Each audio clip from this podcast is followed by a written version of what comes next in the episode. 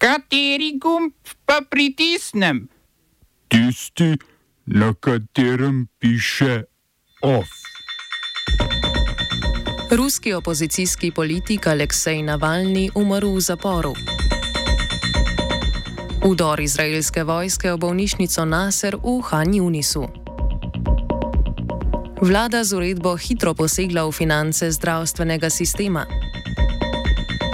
Izenačitev sežigalnic in sosežigalnic v državnem zboru.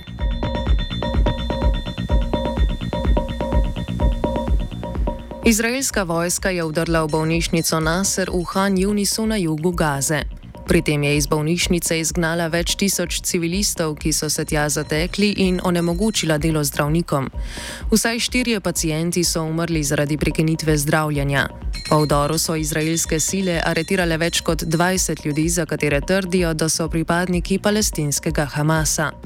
Pred vdorom so bolnišnico dolgotrajno oblegali. Iz mesta Rafa ob egiptovski meji, kamor se je zateklo skoraj milijon in pol razseljenih prebivalcev, palestinci bežijo na sever v begunsko begunsko taborišče Nusejrat in mesto Dir al-Balah, saj izraelska vlada pod vodstvom Benjamina Netanjahuja ne odstopa od ofenzive proti Rafi.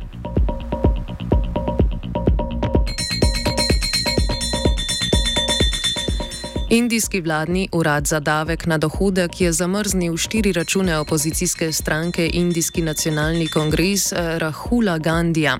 Urad Zvezdnega finančnega ministrstva je račune zamrznil, potem ko je stranka za približno en mesec zamudila s plačilom 235 milijonov evrov, ki bi jih morala poravnati uradu.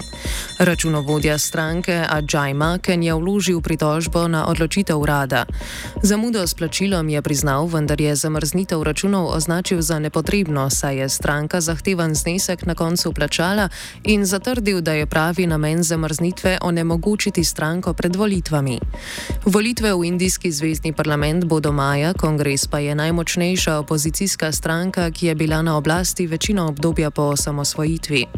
Zamrznitev računov stranke sledi odločitvi vrhovnega sodišča, ki je razveljavilo sistem volilnih obveznic, preko katerega so posamezniki in podjetja lahko finančno podpirali podpirali politične stranke brez omejitev. Ustavno presojo so vložile opozicijske stranke, največja upravičenka do obveznic pa je bila vladajoča stranka Baratija Džanata Narinde Modija.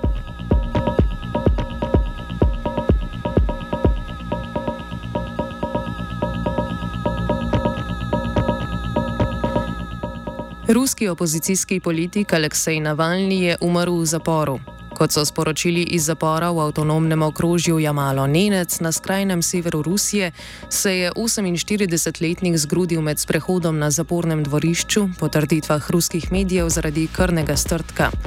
Navalnega je policija pridržala leta 2021 ob vrnitvi v Rusijo iz Nemčije, kjer je okreval po zastrupitvi. Po obtožbah financiranja ekstremistične organizacije in spodbujanja ekstremistične dejavnosti so ga obsodili na 19 let zapora zapora. Navalni je do svojega zaprtja veljal za vodilnega opozicijskega politika Vladimirju Putinu. Predsedniške volitve bodo v Rusiji marca.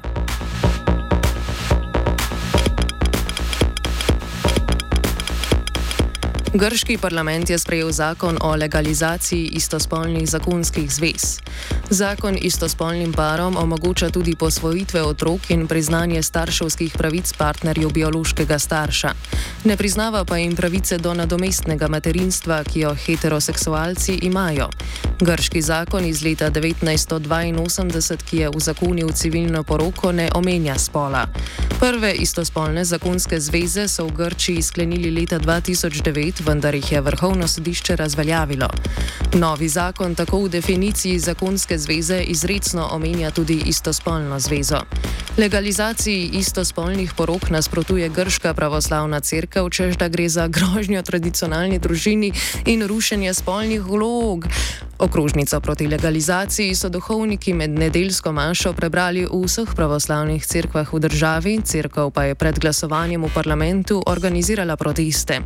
Sicer konzervativni premijer Kirjakos Micotakis se je za zakon zauzel, da bi svojo podobo z desne premaknil nekoliko proti sredini. Za sprejetje zakona se je Micotakis povezal tudi z opozicijsko Sirizo.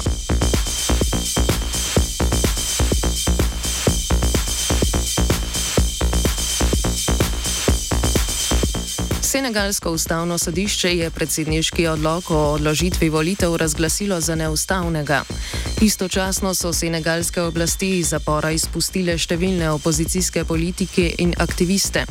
Predsednik države Maki Sal je volitve načrtovane za 25. februar odpovedal v začetku meseca in jih odložil za nedoločen čas. Opozicija je predsednika, ki se za nov mandat ne bo potegoval, obtožila oklepanja oblasti. Predsednik Sal pa svojo odločitev pojasnjuje z omogočanjem parlamentarne preiskave domnevne pristranskosti ustavnih sodnikov pri registraciji kandidatov. Senegalsko ustavno sodišče, ki tudi potrjuje kandidature za volitve, je več deset opozicijskim kandidatom prepovedalo nastop na volitvah. Parlament je po Salovi odpovedi februarskih volitev izglasoval organizacijo volitev v decembru. Tudi to odločitev je sodišče razglasilo za neustavno in parlamentu naložilo naj volitve organizira čim prej. Odločitev sodišča sledi večtedenskim protestom v afriški državi, v katerih je policija ubila tri protestnike in aretirala več predstavnikov opozicije. Izpust večine zaprtih je predsednik ukazal malo pred odločitvijo ustavnega sodišča. Smo se osamosvojili, nismo se pa osvobodili. Da se naštete še 500 projektov. Izpiljene modele, kako so se strani nekdanje LDS rotirali. Ko to dvoje zmešamo v pravilno zmes, dobimo zgodbo o uspehu. Takemu političnemu razvoju se reče udar. Jaz to vem, da je nezakonito, ampak kaj nam pa ostane? Brutalni obračun s politično korupcijo. To je Slovenija,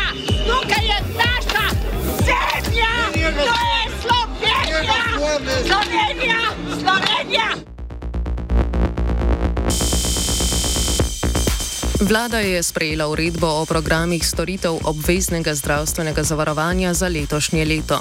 Uredba, ki jo je vlada sprejela na mesto splošnega dogovora z Zavodom za zdravstveno zavarovanje in drugimi deležniki, uvaja več hitrih posegov v sistem.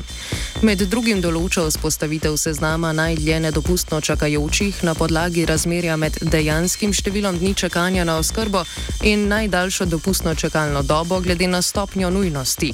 Pacijenti iz vrha seznama, torej tisti z višjim faktorjem čakanja, bodo imeli prednost pri zapolnjevanju tistih terminov, ki jih jih prvotno naročeni pacijenti odpovejo. Sistem bo veljal za napotnice, ki nimajo oznake nujno. Doslej so v ambulantah na preglede klicali prvega naslednjega pacijenta z čakalne liste, kar ni bil nujno tisti, ki je čakal najdlje. Uredba skuša spodbujati tudi več oziroma hitrejše prve specialistične preglede. Konec januarja je na prvi pregled čakalo več kot 200 tisoč pacijentov. Izvajalcem specialistično-ambulantne dejavnosti uredba tako določa minimalno število prvih pregledov. Če bodo število pregledov, ki jim ga je določilo ministerstvo, izvajalci dosegli, bodo prejeli za tretjino više plačilo. Če pa kvote ne bodo izpolnili, bodo za opravljene storitve prejeli 10 odstotkov manj denarja. Specializantom družinske medicine v zadnjem letniku uredba omogoča samostojno delo vlade lastni ambulanti po enakih standardih kot specialistom. Predvideva tudi vzpostavitev satelitskih urgentnih centrov za akutno bolne.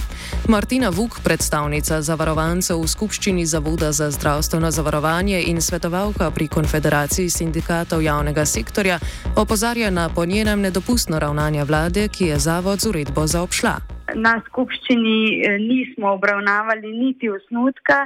Eh, te uredbe, eh, smo pa to zahtevali, sprejeli smo tudi posebne sklepe, zato ker se nam zdi nespremljivo, da grejo tako pomembne zadeve mimo nas. Mi smo vendarle tisti, ki predstavljamo vse uplačnike.